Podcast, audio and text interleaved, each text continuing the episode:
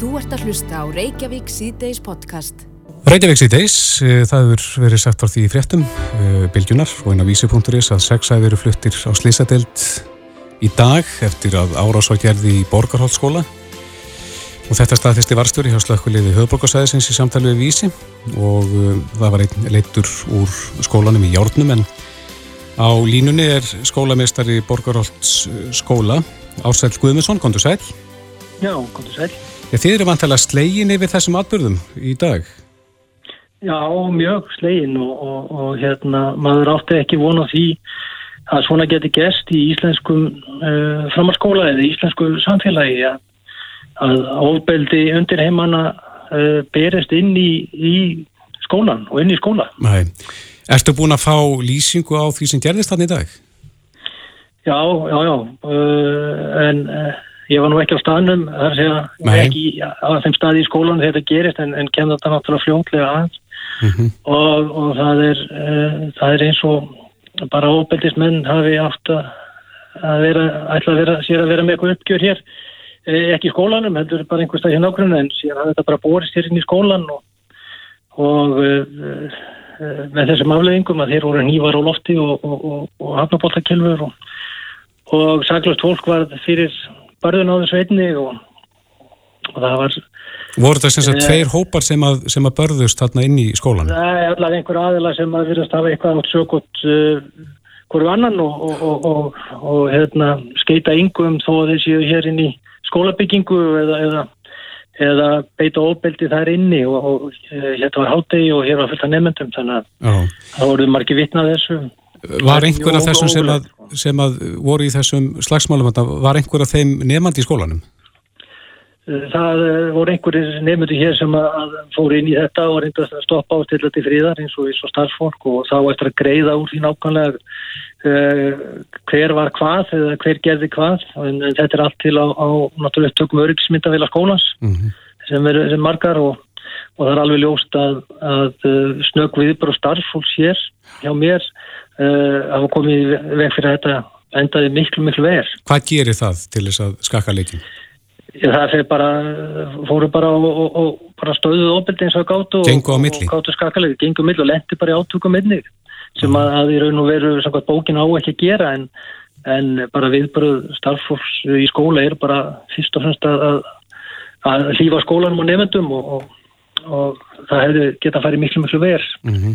Lörgla var einnig mjög fljót á staðin, ég vil hrósa þeim bara fyrir það og, og síðan síðan uh, ágætt að fá tækjafæri hér til að, að fara yfir þetta eins og þetta gerist, síðan var farið bara í það að, að koma öllum í skjól nefndum inn í skólastofur og öðrum sem ekki átt að vera í tímum uh, helst til sin heima strax. Þannig að það væri ekki uh, margi saman einu stað þar sem að óbyrðismadurinn komst undan á hlaupum. Mm -hmm. og ekki vita hvort hann byrtist aftur með, með nýf áðu maður einhver staðar, þetta er mjög óþægilegt að lendi þessu. Já, hefur nefndum og þeim sem örðu vittnað þessu verið bóðin áfallahjálp? Við höfum uh, munum bjóða nefndum áfallahjálp, við náttúrulega verðum að senda bara alla heim og í skjól uh, mjög margir nefndur skólanum gáttum ekki verið að, að á þessum tímapunkti þegar þess, uh, allt gekk á og sem mest gekk á að, að finna út nákvæmlega hverju eru vittni og hverju ekki og þannig að við munum hafa sambandið alla nefndur og fóröldar mm. á mhm. eftir og eh, það verður skóli í fyrramálið eh, og hér verður verða sérfræðinga teimi til staðar allan daginn Já. fyrir nefnendur og starffólk því að það eru, eru náttúrulega allir nefnendur og starffólk og allir bara sem að voru hér bara, mm -hmm. bara fyrir áfall, áfalli yfir þessu gróa óbeldi sem að, sem að hérna, með þessa byrtingamitt í samfélaginu sem að, sem að og hann kemur inn í, í skólan til okkar. Já, ef ég skilir rétt ásalla þá, þá var þarna með einhvers konar uppgjör á milli aðila uh, í gangi og, og sem eru ótengti skólanum en, en, en átökin færast inn í skólan. Já, ég, ég held að, sko, nú segir ég held því að ég er náttúrulega ekki komið fulla myndaðis en þá og lauruglan er, að vinna sína vinna en þá og fara yfir. Uh, og þá sínist okkur að það sé svo leiðis að, að þarna hafi átt að vera eitthvað uppgjör sem átt að hafa framengst á annar stærn í skólanum. En það best hér inn í, í ganga skóla og sinn í skólan og, og uh, ég veit ekki hvort einhver nefndu tengjast beint þeim átökum eða, eða bara óbeint. Mm -hmm. Uh, og það var allt eftir að koma í ljós. En það er alveg ljóst að, að þeir sem hafa voru hér með nýfa og gengur hinn, þeir eru ekki skólan Nei, En þú sagðist að við erum annar staða þegar þetta blossar upp en var snöggur á staðin. Hvað blasir við þér þegar þú kemur síðan á staðin? Já, e, ég var bara hér upp á minni skrifstofu og, og, og, og þegar ég er hrópað bara ég sé hérna nývar á lofti og opeldi og þá, þá náttúrulega leipi til eins og eins og aðri fólk kallaði til og það er, er bara átökun berast mjög hratt út úr skólanum og eru hérna úti mm -hmm. á bílaplaninu og það er bara afleggingar af óbeldi og uh, eins og mér skilst að það séu nú uh, farið og upptökum víða. Já. Þannig að hérna en finnst þér þetta það sem blæsir við. Já, en ásvall finnst þér bara, bara blóð og óbeldi og, og, og, og hérna já, þetta er bara hæðilegt Þar kallar þetta á eitthvað skona breytingar þar þess að þeirra kemur að öryggi skóla Já, við höfum, við rætti þetta sko, skólumestra framhalskóla um ára bil og lengri tíma og, og það var minni mig um 2013 uh, þá vorum við að fundi með stjórnum skólamestrafélaga á öllum Norðalandunum og var rættum vegna aðvika nýva ára svo í Finnlandi mm -hmm. uh, það sem að, að uh, síðan var reglugjörðin breytt og, og, og, skólastjórnum veittar auknar heimildir til að vísa nefndu frá skóla að á, bara meðan málvarið skoðuð eða skoða í törskur og, og, og tryggja öryggi nefnda því að sko þetta er nefnilega eh, mjög alvarlegt og maður líka slegin að, að þetta er svona svolítið aðfæra okkar líðræðis hefð á Íslandi að, að hafa skóla opna, geta gengið frjálstum og geta verið öryggir í sínum skólum og í stopnunum á Íslandi. Við erum ekki vönis, við þekkjum þetta ekki og, og það, maður er slegin ef því líka að, að er þetta virkilega komið bara heim til okkar mm -hmm. og við þurfum að bregðast við því og, og, og fara yfir okkar verkferðla og, og hvernig við uh, við höfum okkur og eitt dæmi um hvernig við gerum á Íslandi að, að yfirleitt í skólabyggingum eru fjöldinallar að, að engungulegum og útgangulegum og skrifstofur og allt á annari hæð Hvernig viltu breyta því? Þá, þá geta allir á göttunni gengið bara inn út að, að mhm. vildnánast. Þannig að það, það er svona, við þurfum að fara að hugsa marga hluti svona svolítið upp á nýtt. Serðu fyrir að það veri eitthvað skonar aðgangsstýring þá inn í skólana? Það kemur fyrir það setna. Já, en hvað með öryggistæslu? Nú við, sjáum við öryggisverði í verslunum til dæmis. Er, er engin ástæð til þess að þeir séu þá í skólum? Já, við hefum ekki viljað sjá slíkt í íslensku samfélagi eða vopnaðilega öruglu eða neitt slíkt og við verðum svolítið að, að standa vörðum það bara í samfélaginu að, að við viljum hafa þetta heiðarlega góða trygga samfélag. En, en við vítum líka að þessum óbyrtis heimi hafa undir niður eh, þannig að þetta er bara það sem er dasgrá núna alveg á næstunni hjá okkur í skólasamfélaginu og bara í samfélaginu öllu. Uh, hvort að þurfum við eitthvað að breyta hvernig við stöndum að þessum málum. Já, Ásæl Guðmundsson skólameistar í Borgarhalsskóla bestu hverju til ykkar og gangi ykkur vel að vinna úr þessu. Takk fyrir það Þú ert að hlusta á Reykjavík C-Days podcast. Já, já, Reykjavík C-Days. Það eru fínar eh, tölunar, svona innanlandsmitum, en e, veit að smita landamærum, veitja ugg og svona mikið óta þar, að eitthvað sleppi þar í gegn. Mm -hmm. Og þetta er náttúrulega fyrsti dagur, það sem að er búið að breyta og slaka þess á e, takmörkunum. Mm -hmm. Það er ekki mara sóttöðnum, en Þórólu Guðnarsson, sóttöðarleiknir, er á línni. Kom til sæl. Já, sælir. Hvernig finnst þetta að fara stað? Já, það er nú umöld að segja þetta er bara da, fyrsti dagurinn sko. Neða, ég get ekki lagt mat á það í sjálfsir það er að koma, koma í ljós bara. En það er þetta með landamærin. Menn hérna hafa ávíkjur af því og, og nú er uppi efasemtur um það að það að vista fólk nauðugt á farsóttarhúsi það sé ekki lögum sangkvæmt Já. Hvað, Hvernig slær það þig? Er þú með að skoða það eitthvað leiði til þess að að mæta því? Já, þetta voru náttúrulega sko, það tilhör sem ég kom með með aðgerðin á landamæri var í fyrsta lagi að, að hérna, fólk gæti ekki valið um uh, 14 dagar sótt við heldur þyrt, allir þurft að fara í sína dögur og nú ef að það var ekki hægt að þá erum við þeir sem myndi velja að það fari 14 dagar sín hérna, uh, sótt hví að fara í farsótarhúsi mm -hmm. uh, og eftir því sem að ráðinni tjáð mér að þá er ekki lagastóð fyrir þessu hvoru þessu aðtræðana þá uh, þurfti ég að nú hugsa þetta bara på nýtt og, og hérna og ég hef sendt þá til núna til ráðurum að að fólki verði gert sem er að koma hinga til hans verði gert að koma með neikvægt próf sem ekki er eldra en 48 klukkstundar gamalt á þannig að hann kemur hinga en, en að það þurfi eftir sem áður að fara í test hér e eða þá að velja þá þessa 14. sótkví eins og, og lögjur á fyrir. Já, þannig að, að farþegar sem ætla að koma hinga til landsins, sama hvaðan þeir koma, að þeir þurfa þá að koma með vottor til þess að fá að fara um borð í vélina. Já. Og hvena tekur þetta gildi þá? Ég, ég veit ekki, það er ráðanleita það er náttúrulega bara að taka þetta fyrir og sjá hvort þið samþykki þess að til úr og þetta er það sem er að gerast í nánast allir í Evrópu núna, það er mm -hmm. öll lönd að koma með akkurat svona til úr og ég held að það sé bara skynsandi ljósi þessara aukningar sem við verum að sjá Erlendis og þessara aukningar sem við verum að sjá á landamærunum. Hvað, eftir, svona... eftir því sem að koma fleiri á landamæri núna því meiri líkur að það getur slatti í gegn Já, en svona miða við þessa tölur sem við höfum verið að sjá hérna það sem að fólk er að greinast í fyrstu stímun á landamörum, þá myndi þetta nú lækka þá tölu, tölu verðið það ekki? Já, já, ég myndi gera ráð fyrir því að einhverjir af þeim yrðu jákvæðir í, í þessari skimun sem ekki var í gerð þá fyrir brottför og, og það myndi þá fýra það að uh, sko að þeir myndi þá vartilega ekki koma ef þeir eru jákvæðir. Nei, já eru farþegar eh, frá einhverju löndum sem að megi ekki koma hengað? Nei, nei, það, nei, nei, það er ekkert uh, stopp á einn lönd. Nei, en stendur það eitthvað til? Ekki, nei, ekki, ekki að minna hálfa allavega, ekki að leggja það til. Uh, ég held að við séum bara með, við erum með, höfum verið með góða skimanir á landamærunum og, og náða að stoppa. Við höfum mist, eins og við tala ofta um, mist bara nokkra tegundir nokkra stopna afbreyða veiruninn sem hafa verið að valda hérna, þessum uh, útbreytu síkingum og það er eitt stopn, eitt afbreyði sem sérstaklega hefur verið að valda þessari þriðjubilgi hérna.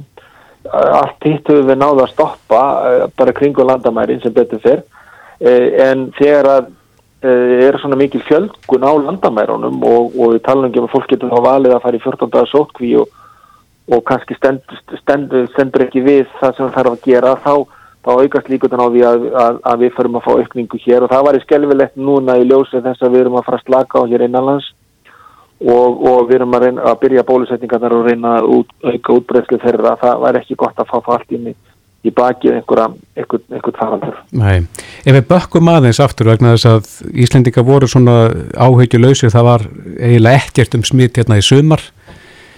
En uh, síðan koma smitt til landsins. Ef við hefðum haft þá þessa reglur sem að gilda núna landamærum, sérðu fyrir að staða mæru önnur í dag og hefði þró, þetta hefði þróast öðruvísi? Eh, það er bara ómulett að segja þannig sko, ég, það held ég svona, allar eftir á skýringar eru alltaf varasamar og, og það er alltaf auðvelt að horfa í bakspeilin, baksín í speilin og og vera með einhverja skýringar en... En við hljóttum að læra af reynslunni? Já, sko, það sem að við bara horfum á hvað gerðist með þessi, sko, þegar þetta byrjaði aftur hér, þessi önnurpilgja, hvernig byrjaði hún? Það var eitthvað svo kallega græna afbreyði. Það var, það komst hérna inn áður en að skimun hófst á landamærunum. Mm -hmm. Þannig að það var, það var, og áður en þess aðgerði byrjuð, það var einhver sem kom með hana inn, við vitum ekki hver og það tók uh, hana daldinn tíma að, að, að, að lækka síðan gerðist það að við vorum, fengum þess að bláu uh, það er bláu afbreyði við vitum nokkur með hvaða ferðamennu það kom. Það, það kom inn áður en þessi tvöfaldarskímun þá vorum við með einfaldarskímun á landamærunum. Og þá komst hún inn. Og það er hún sem hefur verið ráðandi þetta eina afbreyði allan tíman uh, hefði við geta fundið þetta og stoppað þetta ef við hefðum verið með tvöfaldarskímun það þetta eru meiri líkur á því að við höfum geta gert það en, en, en það, við getum ekki verið viss e, sko, ég hef sagt að margótt að ekkert af því sem við erum að gera er alveg 100% örugt en ef við erum að með tvöfaldarskimun og þetta sem við verið, hefur við svona lámarka líkurnan á því að, að, að eitthvað hefur komist inn en, en ég held að líkurnan sé að aukast núna með, með því sem er að gerast ellendis og, og, og þessari aukningu sem við erum að sjá núna landamærunum mm -hmm. En nú er búið að létta á þessum uh, sóttvarna reglum og maður finnur bara létti hjá fólki, fólk er svona það léttar yfir, fleiri brós sem að maður sér, hva, hvað þurfum að hafa í huga? Já, ég held að það sé mjög mikilvægt, það sem að sko tilgangur með svona afléttingu núna uh, er ekki sá að gefa fólki einhverja væntingar sem að nú megi bara fara í partíin og nú megi aftur fara djamið og, og, og, og slaka verulega á. Það er ekki það. Við erum að reyna að slaka á fyrir atvinnulífið með því að og ímins konar starfsefn í landinu með því að uh, fara úr, í fjöldatakmörkunum upp í 20 við erum að reyna auka liðka fyrir íþróttastarfsefn í landinu við erum að reyna liðka fyrir listastarfsefn í landinu með því að bæta við. Þannig við erum að reyna að, að, að, að liðka fyrir þessari starfsefn innanlands og, og, og þannig að fólki getur líka að fara í rektina og svo framvegs en fólk var eftir sem áður að passa sér alveg gríðarlega vel sínar einstaklisbundnu sóttvarnir og, og, eins og það gerði núna um uh, jólinn og áramótin og það bara tekist mjög vel til og vonandi stendur fólk sér áfram í þessu. Uh, það er það sem skiptir mestumáli og ef að það tekst vel til að þá, þá erum við komið með tölvöld mikið frjálsræði og við erum náttúrulega með miklu meira frjálsræði heldur en flestar þjóðir sko í kringum okkur það, það sem það er verið að herða allir verulega þannig Þannig við hefum bara greiðjast yfir þessu góða árangur sem við hefum öll náð saman og, og reyna varðveitan á þennan móta. Já, ég er búin að hitta marga í dag sem að hafi ekki hreift sig í einhverja vikur og eru feignir að komast aftur í ræktina. Já, já, það eru náttúrulega margir sem hafa hissið sem hafa, sem hafa verið úti að lappa og ganga og, og svo framins og framins en auðvitað eru mjög margir líka sem eru glæðir að komast í, í sína íþróttir og sína rækt og það er bara ánægilegt en, en þess heldur þurfum við að passa okkur því að ef þetta fer að hvaða bondum aftur þá, þá bara er svo sem einn leið til að ráða við það og það, ég held að þetta með þekki það. Já, eh, nú kom uh, lítill skamtur af bólöfni til landsins í gær en uh, það tókst þú að bólusetja hansi marga úr framlýninni er, er uh, svo bólusetning búinn? Ég veit það ekki nákvæmlega hvernig hann klárast ég held að menn sem verði bara mjög fljóttir að klára þetta þetta voru 1200 skamtar og og það tekur ekki langan tíma fyrir helsugjastluna og landsbítalana að klára það. Nú svo eigum við vona á, uh, sko í næstu viku þá munir þeir sem voru bólusetti fyrir áramótin fá sína bólusettingu nummið 2 og, og við fáum líka annan skamt frá Pfizer og, og við, við ætlum að reyna að nota hann uh, nánast eingöngu í, í hérna eldri íbúa þessa lands og, og svona munum við bara reyna að halda áfram og klára dæmið. Mm -hmm vekur aðtegli að það er verið að bólusetja sjúkraflutningamenn og lauruglumenn núna sem að voru neðar í röðinni það ekki? Já, við höfum sagt, sko, jú, jú, í, í þessar upprunalegu röðun í, í, hérna, í reglugerðin. En var ekki búið að taka 70 pluss upp fyrir? Nei, sko, það sem við gerðum, að, og ég gerði og, með, og hef heimildi þessi reglugerðinni, er það að þegar við höfum svona lítið af bólefni þá reyndum við að, nota það uh, bólefni í þá sem eru líklegasti til að smittast og þá sem eru líklegasti til að fara illa út úr COVID-síkingum. Mm -hmm. Og það, hverjir eru það? Jú, það er framlínu fólk í, í heilbreyðstjónustunni sem eru að vinna með COVID-sjúklinga og þar inni eru líka til dæmis sjúkraflutningamenn sem er að flytja COVID-sjúklinga oh. og sem eru í nánum tengslum við þá. Og, og, og það, er, það er það fólk sem við erum að einblýna á núna á, á samt lauruglumönnum í framlínunni hér á höfuborgarsvæðinu því að hér er mest af þessum sjúklingum mest að líkur á að, að lenda í því lenda í þessum uh, lendi COVID uh, sjú, uh, síktum einstaklingum. Og, og, og svo líka náttúrulega bara eldra fólki sem að fer eitthvað á síkingunni þannig að við erum að reyna að vinna okkur þannig niður listan Eitt í lokin, ég get ekki sleftir á þess að spyrja þið út í þessa viðra við Pfizer, erstu búin að heyra eitthvað frá þeim? Var það til tilurina? Nei, ég er ekki búin að heyra frá þeim Áttu von á því að heyri þeim fljóðlega? Já, ég er búin að eiga, eiga vona að ég heyri þeim fljóðlega núna í nokkra daga. Já, er boltin hjá þeim? Já. Og þeir eru með númerið þitt? Ég, þeir eru með e-mail, e-mailin minn, það, það er ekki vandan á e-mail, ég er símaskránu líka. Já, akkurat. Þórólu Guðnarsson, sóttanlagnir, kæra þætti fyrir þetta. Sumleis. Bless, bless. Bless. Hlustaðu hvena sem er á Reykjavík C-Days podcast. Það er ekki langt sem við heyrðum í byrni Levi Gunnarsinni, þingmanni Pírata en þá vorum við að ræða hugmynd sem að e, flokksmaður Pírata kom með að leifa sölu og ástínuna sveppum og kannabis í vestlunum átíða þær. Já, kannski koma niðurstöðnar okkar könnun á, á vart. Já, það voru nokkuð margi sem bara eru lindið þessu. Já, eitthvað melli 40-50%. Já. En Björn Levi, hann er komin af staðaftur og nú með uh, þingsáleiktuna tilögu smíðum mm -hmm. sem að heimilar fjöl sambönd. Sæl Björn Levi. Góðar. Hvað, uh, stýrða þess út fyrir okkur hvað, út af hvað þessi hugmynd gengur? Já, hún er rauninu mjög einföld. Hún snýst um það að uh, hjúskapur eða, eða skráð sambúð sé ekki takmörku við tvo einstaklinga. Já, Það er að segja að að margir vinnir vilja leiga saman íbúð og þá getur runni verið skráð sér í sambúð þannig að það þarf ekki bara einhver einn að bera ábyrð á, uh, á leigusamningi. Að uh, sískinni sem að kaupa saman íbúð sem það getur gert núna fyrir en tvö, fjúr sískinni geti skráð sér í sambúð til þess að, að búa þar saman og fengið svona réttind og skildur hvað það var þar. Hva, hvaða réttind og skildur fylgja því að vera skráður í sambúð? Til dæmis varðandi hérna leigu uh, þá eru, eru húsalögubætur og þess að þar sem að þú ert ekki með eða þú ert ekki með leigusamning sem dæmi. Já, Uh, það er ímynd þarna sem að, sem að þa- þarna er undir eins og persónuafsláttur til dæmis, sam, uh, samnýti persónuafsláttur til dæmis einstæð móður er með, er með uh, barn sem að verður 18 ára, býr samt áfram hjá því og missir út sem sagt stuðning vegna vegna, vegna þess að hann er ekki með barnaframfæri lengur en við komum er þá með persónuafsláttur kannski í skóla og getur þá samnýtt persónuafslátt með, með móður sinni eða föður, hvernig sem það, það samband er. Já, talandum um börn, ef, ef að þarna eru kannski þrýr eða fleiri eh, og eh, kannski tveir af þeim eiga börn, eh, á þá allur óbyrjun að bera ábyrð á þeim börnum sem að þarna koma við sögu.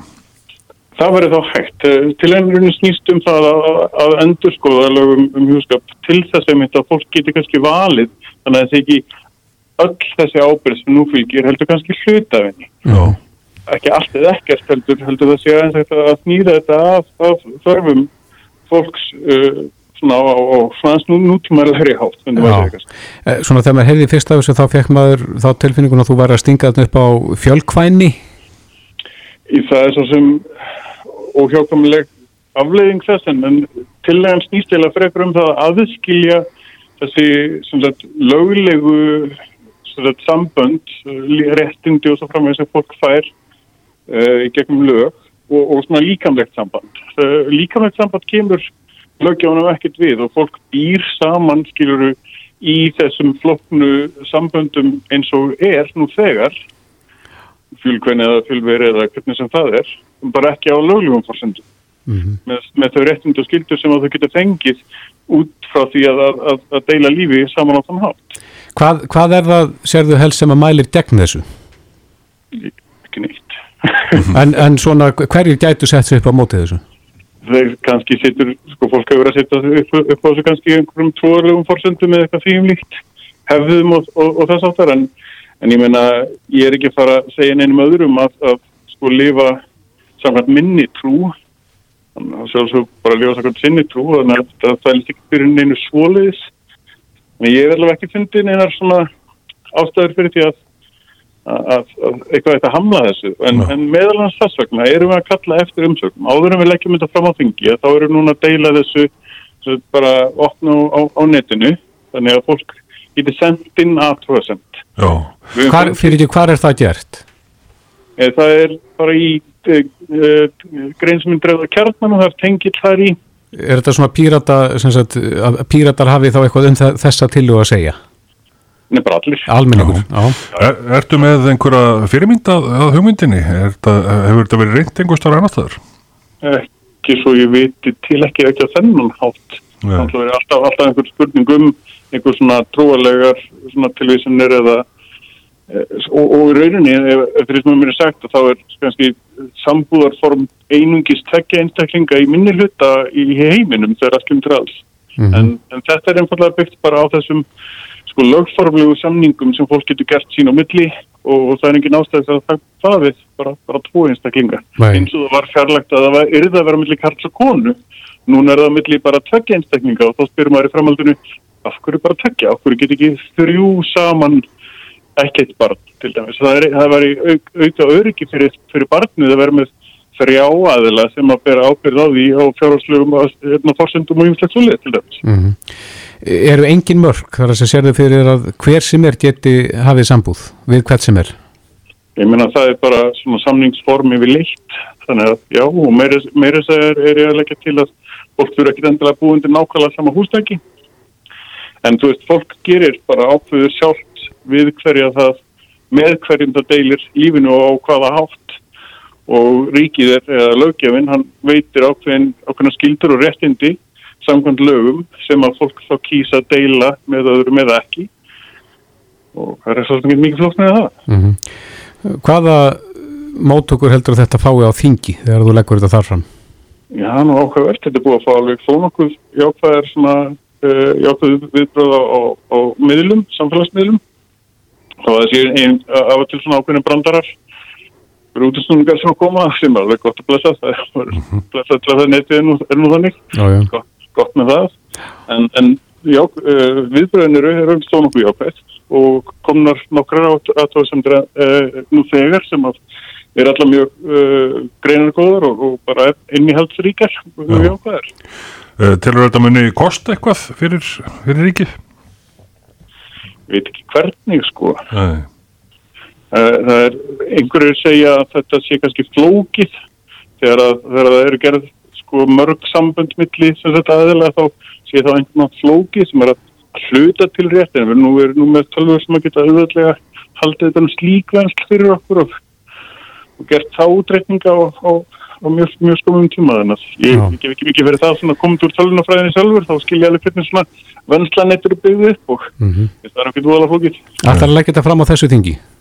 Já, núna klára það sem sagt svona umsagnar tímabil svona einhverjar tvær-þrjá vikur við það svo og, og hérna þá, þá vinnum við úr umsagnanum betur því greiningarinn og leggjum við síðan fram á þingi þetta er eitthvað svona mánuð. Já, það er óvægt að segja því pírata færi ótrúna slóðir í mörgum efnum. Já, við, við, þetta, er, þetta er spurningum að leita að hugmyndum, sjá svona ákveðina galla og spurningar sem að við reynum þá að vinna bara með og lýra eðslega hátt og, og sjá hvernig hljómgrunnur er, stýrir því og, og hvort að það sé sagt, svona, hvort það sé að vinna þá hlutin á annan, annan og öðru sé hátt heldur en við höfum gert nú þegar. Já. Björn Levi Gunnarsson, þingmaður pírata, kæra þakki fyrir þetta. Takk sem leiðis. Reykjavík síðdeis á bylgjunni. Já, já, kíkjum aðeins inn á fastegnamarkaðin, það eru margir sem eru í fastegna hugleðingum Já, já, svo sannlega. og við höfum haft réttir að því að, að það sé svolítið mikið um að vera á fastegnamarkaði. Mm bæði það íbúðir, í það minnst að hér á höfuborgarstöðun á sömum stöðum er að seljast að yfirverði og það er slegist um margar eignir. Já, Þannig að margir að bjóða í sömu eignina. En á línunni er Páll Pálsson, fastegnarsali hjá 450 fastegnarsölu, kom til sæl. Sælum dráðar. Já, getur þú staðfest það? Er, er allt vittlust um að vera á þessu markaði? Það er bara, þeir eru mjög nákvæmri ykkar, ykkar sög sko. Þetta er svolítið þannig að það er virðist þeirra umfram eftirspurn uh, á markaðinum, sérstaklega á þessum minni eignum og það er mikið að fyrstu kaupindum er að leita inn á markaðinu eins og staðinu núna. Auðvitað eru náttúrulega fullt af eignum sem eru ekki en, en, en mjög margar eignir er að seljast mjög svart. Uh, sölu tímin hefur aldrei verið einn stuttur eins og núna.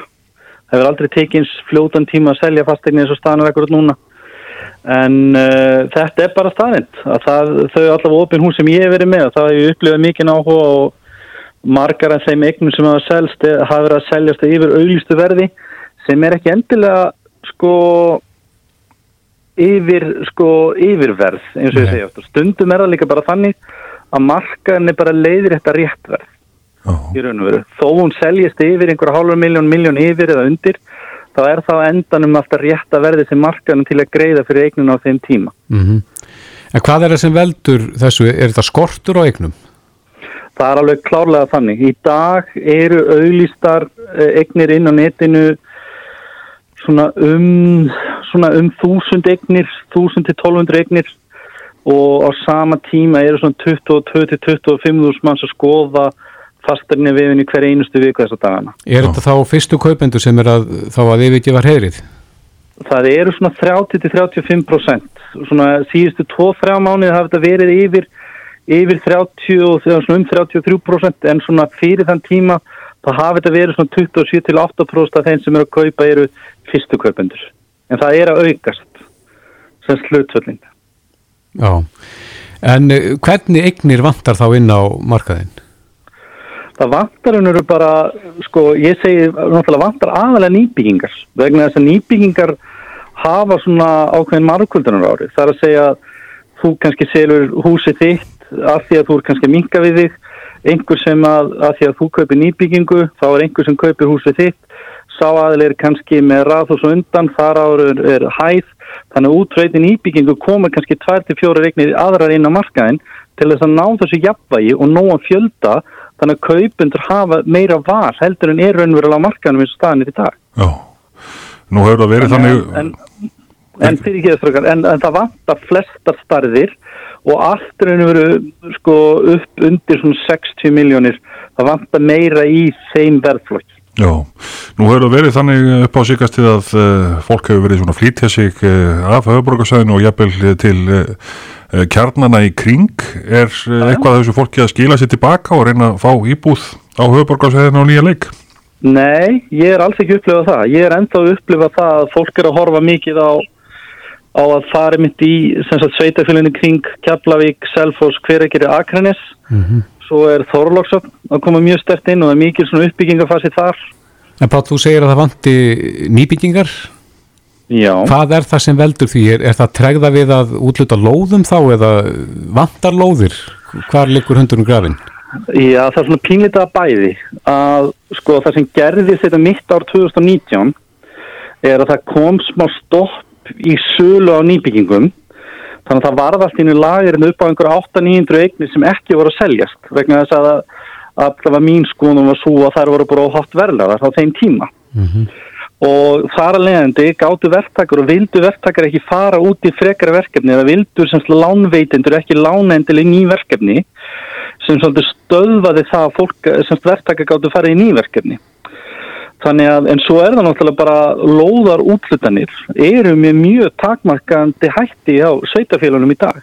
Ég hef nú verið að kvartið við annar stað líka hérna, að, uh, að manni finnist einhvern veginn að sveitafélunum getur tekið sér saman og passa það að sé alltaf svona um kannski 700-1200 nýbingar íbúður inn á markanu hverju sinni til að halda jafnvæg og komið í veg fyrir það verði svona, hvað maður að segja, ég er ekki að segja þessi bóla og langt í frá en ég er samt að fylgjast með því en það, hérna, en það, svo aðstæð getur skapast ef að frambóðið er ekki, er ekki verið að passa frambóðið sko. Já, nú náttúrulega liggur eh, deil í skipalag fyrir hjá flestum eh, bæfélagum uh, er ekki hverfi sem að stendur til að byggja upp sem að uh, já, áættir að byggja upp og, og mætti fara að gera spjóðlega Jú, sko Reykjavíkuborg er til dæmis að hérna með gríðarlega góður og mikil plön sko til framtíðar, þá er að tala um kannski næstu 5-10 ára og svo hefur náttúrulega eins og Kópóður, hann er að svona pínleit að seljast upp landsvæði þar, ég held að ég að byggja einhverja 140 íbúri viðbót á seltindanessi og þá er bara seltindanes uppsett svo er Hafnafjörður uh, er að náttúrulega byggja hérna í skarðlín og þar. En, en það er bara ekki nóg það sem er að komin á markaðan akkurat núna. Mm -hmm. Við byrjum samtali hérna á því að tala um uh, að það sé slegist um hverju eign í það minnst að hér í borginni er það eitthvað ákveðin hverfi eða er bara slegist um flestar uh, eignir sem að dettina markaðin? Allar eibúðir sem eru svona er sangjant verðlagðar er slegist um. Það er bara svolítið þannig. Það bara, og, og það er óháð hverfi, hvort sem sé Mós og Hafnarfjörður Reykjavík eða, eða hverfi Reykjavík eins og Grafóður eða, eða Fossfóður, það er bara eftirspurn eftir þessum eignum ef eignum er rétt verðlaður og þá, bara, þá, þá er mikil eftirspurn Hvernig, hvernig vitu hvað er rétt verðlagt? Sko það eru til verkværi til dæmis inn á þjóðskrá sem heitir verðsjá fastegna sem er mjög sniðut verkværi mm -hmm. þar sem þú getur séð bara nákvæmlega hvað fermetra verð er eftir svæðum eftir starðum, eftir byggingatíma og eftir hérna uh, já, eftir þessum atriðum, þú getur valið þar getur bara séð meðal fermetraverðin á ákveðnum hverfum og það sem sagt saman við fermetraverðið á eignin sem þú ert að skoða mm -hmm. sína áhuga. Ég rækst hérna á síðu sem heitir prokura.is með sí, er, er það, það svipaður upplýsingar sem þar er að finna? Þar, þar slærðu bara inn heimilisvang og farðu upp verð? Já, sko, prókur er mynd mjög, sko, þetta er held ég, þetta er staðislega gjaldfrjálsi svona vermatsvefur fyrir fastegninu á, á, á, á markaðanum og þeir reikna útrunur vermat á öllum íbúðuregnum á landinu. Og það er mjög sniðut og þetta er mjög góður og nótundavært vefur og það er líka að bera saman láninn og fleira. Og það er ekkit vittlust að kíkja þar inn og slá inn heimilisvanginu til að sjá raun og veru vegna þess að þeir náttúrulega sjá tölur beint úr þjóðskrá, sölutölur beint úr þjóðskrá og bera það saman við eignin sem þú ert að skoða eða mögulega eignin sem þú ert með. Er þetta nokkur rétt verð? Já, er þetta nokkur rétt verð sem er að koma fram þar? Þetta er nokkur rétt verð, en vissulega getur, getur sko, vegna þeir taka kannski úrtak, kannski á þryggjarbyggji íbúðum eftir ákveðnu svæði og ef að einhverjum ástæðum einu eða tvær íbúður hafa selta á mjög háuverði eða mjög láguverði að það getur alveg rugglað útreikningum en ég myndi segja þetta að vera nokkuð nákvæmt. Já, uh, nú hafa verið alltaf skriktnir tímar eins og allir vita síðastliðið árið. Hvernig er staðan til dæmis á uh, uh, markaði með atvinnuhúsnaði? Sko, atvinnuhúsnaðin, ég hef ekki sér tölur, sko ég sá tölur raun og veru frá fyrir fyrsta ásfjórningin á síðasta ári það er að segja uh, janúar, februar, mars og april og þar var meðal lækkun á atvinnuhúsnaðum um 22% tölur sem komum frá Sælabanka Íslands. Mm -hmm.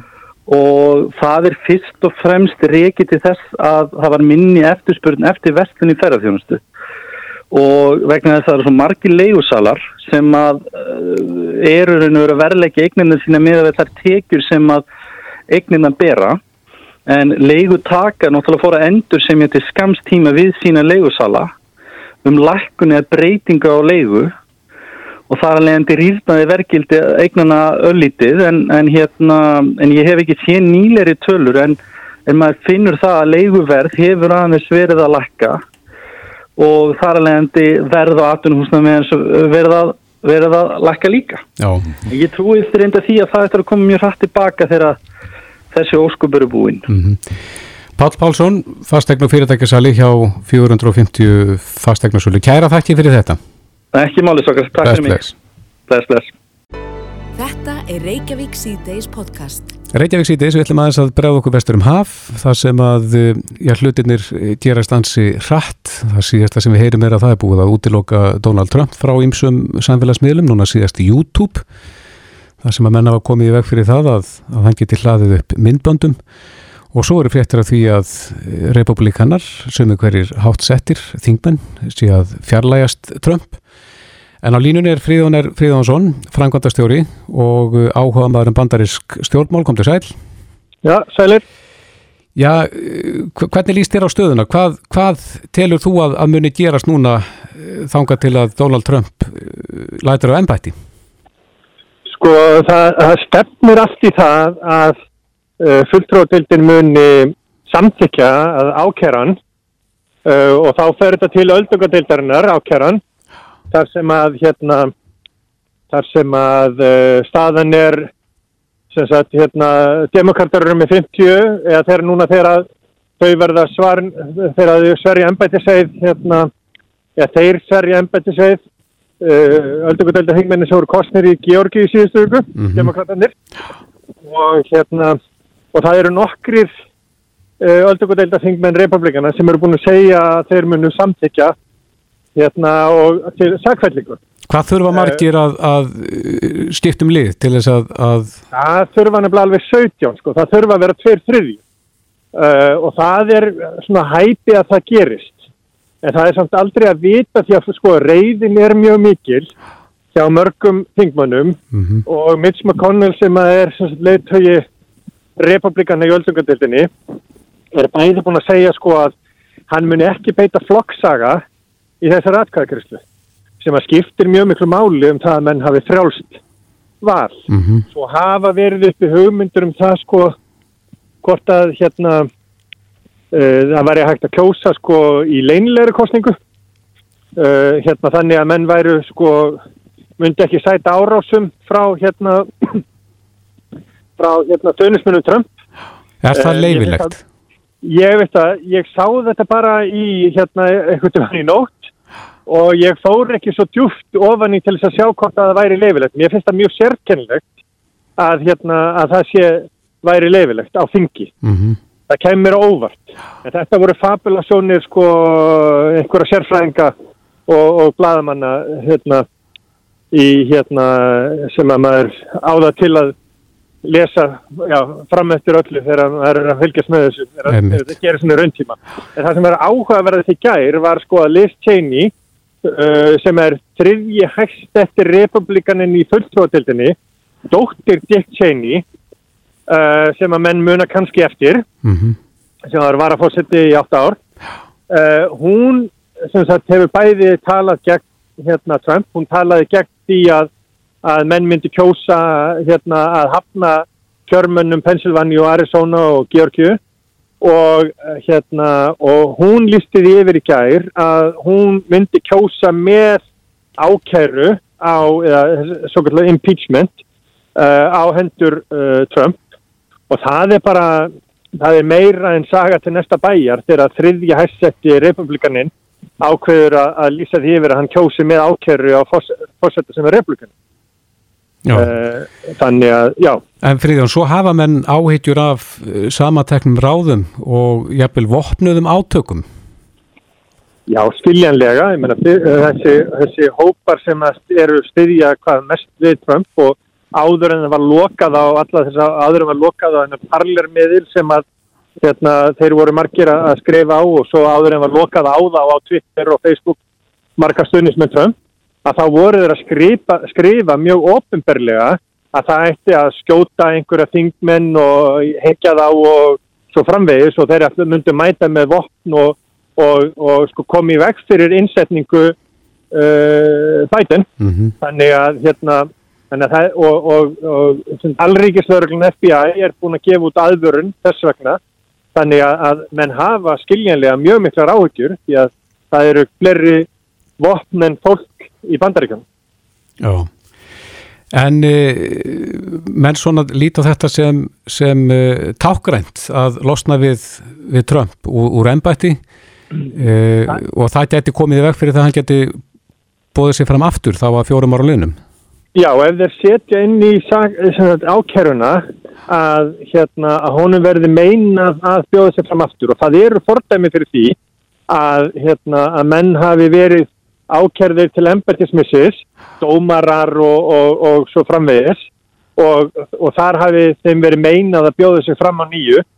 Uh, hérna, þannig að það eru sko, það er ekki fordæmi á fósetta stíinu, það eru, eru fleiri en sko, þetta, þetta, þetta impeachment tæki er, er notað leik, líka fyrir sko, hérna, þetta ákjæra er notað fyrir fleiri embættum en bara fósettan Mm -hmm. og, og þá gætu þeir komið í vekk fyrir að hann býður sér fram aftur ef þeir setja inn í ákjæruna og hún verður samtækt og það sem þeir líka geta tekið þá af honum er að hann fær sko fyrirverandi fósetti fær miljón dólar á ári í ferðarkostnað hann fær 200.000 dólar á ári í laun hann fær öryggiskæslu hérna allan sólarhingin og, og hérna og bara og mikið svona utanum hann, utanum hann og það allt saman er þá tekið á honum líka Öryggistjæslan líka.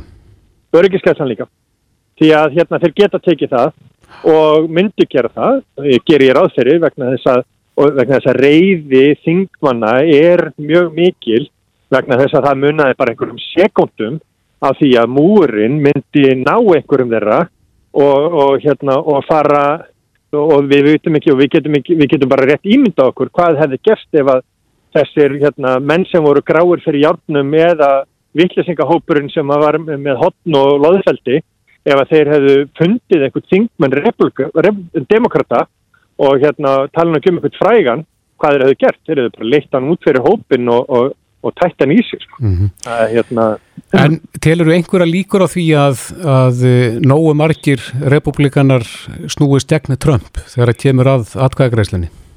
Mér finnst það ólíklegt en það sem að hins vegar er, það er mikil hreyfing í þessu. Uh, Það kom manni á óvart að uh, Mitch McConnell skildi snúast svona gegn Trump með þeim hætti sem hann gerði og hefur gert undanvarna daga. Það er ofsalega mikið í húfi fyrir republikana að fjarlæga sér Trump vegna þess að stórfyrirtæki og stóri styrtaræðilar er hafa sagt og lísti yfir þeir munu ekki styðja hérna og ekki leggja peninga til republikana þeirra, þeirra republikana sem að kusu með hérna uh, höfnuninni á, á kjörmunum uh, Biden og, og þeir og sem, sagt, þeirra sem að tengjast Trump og þessum öllum atbyrgum Þannig ef þeir geta kvít segja sig af, af uh, 13.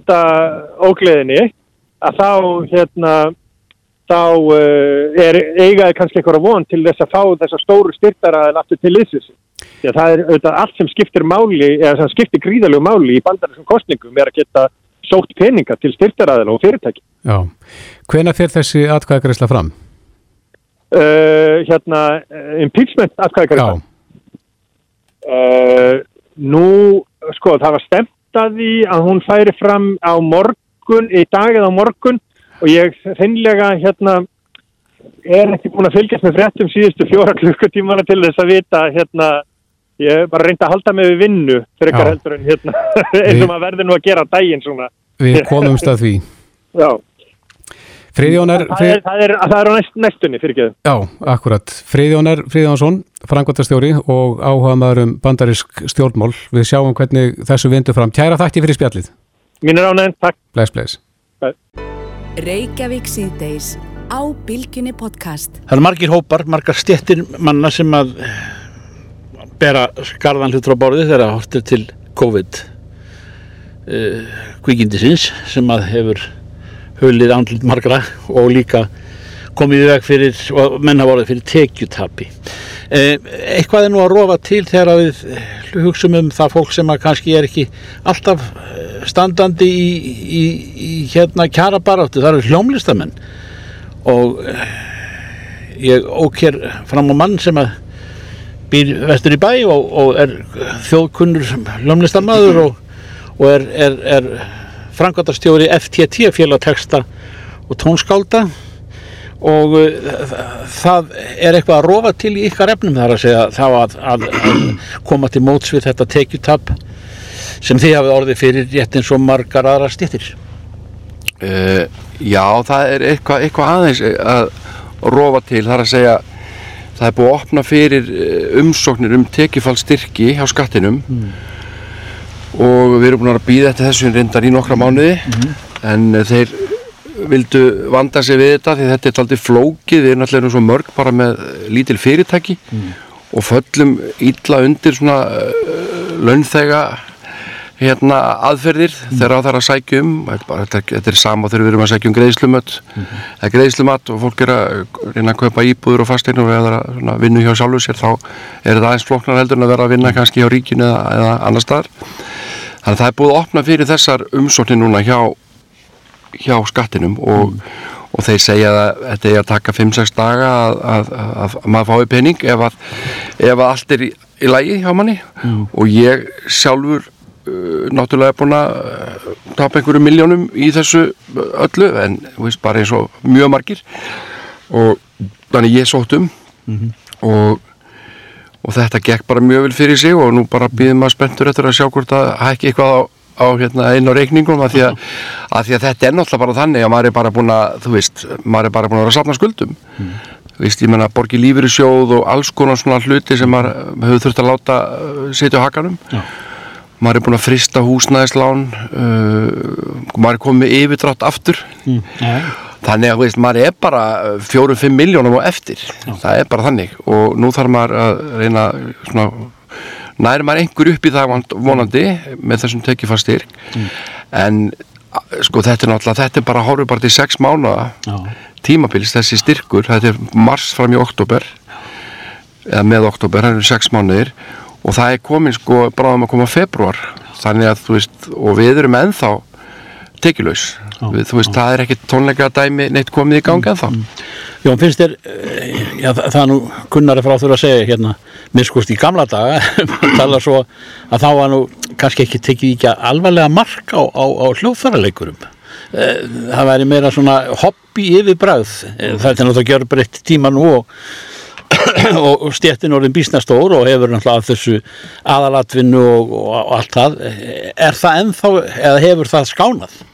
Ég held að hafi skánað en okkur finnst við samt mjög oft vera aftalega á merinni. Þú veist, það er einhvern veginn svona einhvern veginn, okkur finnst einhvern veginn eins og þessi alltaf litið til einhverja annara hópa áður en að kemur að okkur. Og, og vorum orðin mjög langeg eftir þessu en, en að því sögðu þá viljum samt meina að þetta sé nú alltaf skána og, og ég held að held að fólk sem er að, uh, í, í ríkistjórninni og þarna hjá skattinum og, og þar í kring þetta bara beri virðingu fyrir okkur og, og allt það en, en hérna þetta er, við slúum segja þetta þókist rétt átt Já, þú svaraði eins og stjórnmálmáður, það, það á að gera það. En eh, mann dettur það líka í huga þegar að, þegar að eh, þessu léttir, eh, fjöldatakmarkanir eru, eru liðin tíð og svo framvegis, eh, þá er það allt vittlust, tónleikar á hvernig degi og allstaðar, alltaf.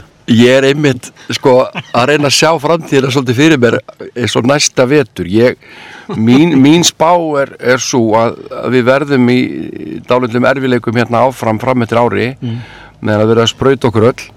En svo kannski ég, ég, ég tala fyrir sjálf mig sko, ég var, sé kannski fyrir mér að þetta byrja svona að byrja almennilega til bara í sumarbyrjun og það verður kannski þá komið þetta hjarðónæmi eða eitthvað en allavega næsti vetur ég er svona að gera mig vonur um það að bara frá með september þá verður þetta svona svolítið eðlilegt aftur mm, mm. en ég held að þetta gæti líka orðið alltaf óeðlilegt því eins og þú saðir hérna í spurningunni þá gæti þetta þessin orðið bara mesti tónleika vetur allra tíma því að mm. það eru bara svo margi tónleika sem að bæði hafa sapnast upp stór tónleikar, ammælist tónleikar hérna ímsu listamanna sem að þeim að fresta bara. Mm -hmm. og þeir eru kannski átti 71 ás þegar 70 ára ammælist tónleikar þeir eru að vera haldnir og, og svo framvegs og svo bara allt þetta hefðbundna þannig að ég bara er jafn spenntur og þú að sjá kannski verðum við að spila bara sjökvöldi vikur næsta vetur.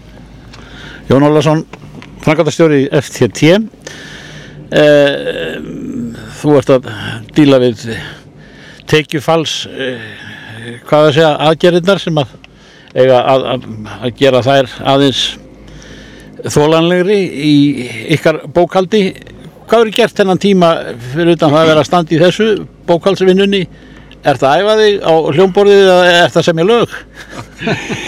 Ég þurfti náttúrulega bara að láta mér dætt eitthvað hug hérna fyrir nokkru mánu þegar ég sá fram á það að maður væri náttúrulega búin að rapa svona rosalega tekjum og ég uh, bjóti svona námskeið í lagasmíðum sem ég er búin að vera uh, hérna í svona fjarkenslu mm. og er núna að byrja með námskeið nummið tvö mm. og þetta er alveg feikilega skemmtilegt og miklu skemmtilega átti vona og ég bara er að hitta alls konar fólk sko, ég er að fara að hitta einn lögfræðing í kvöld hérna á, á netinu og hann er búin að semja rock og roll í mörg ár og nú er hann að spila þetta fyrir mig og við ætlum að fara í gegnum þetta og ég er hann að aðstofa með þetta og, og ég er með krakka 16 ára og, og 60 að kalla og allt þar á milli og það er ótrúlega margt fólk sem er að semja músík Já, og lagfræðingunum er að koma sér upp lagasafni. Lagfræðingunum er að koma sér upp lagasafni, veitir ekki að kíkja þess á það. En svo er maður bara, eh, þú veist, það hafa margir nota tíman í COVID mitt að gera eitthvað sem það hefur eh, látið sittu hakanum. Mm. Þannig ég er bara verið að taka upp blötur fyrir listamenn og, og, og svo þetta og svo er maður ennþá náttúrulega brölda hann upp í efstaliti mm. þar sem að þú dróst minn hérna um árið. Já, gangið vel, gangið. Já, takk fyrir það. Reykjavík síðdeis á Bilginni podcast.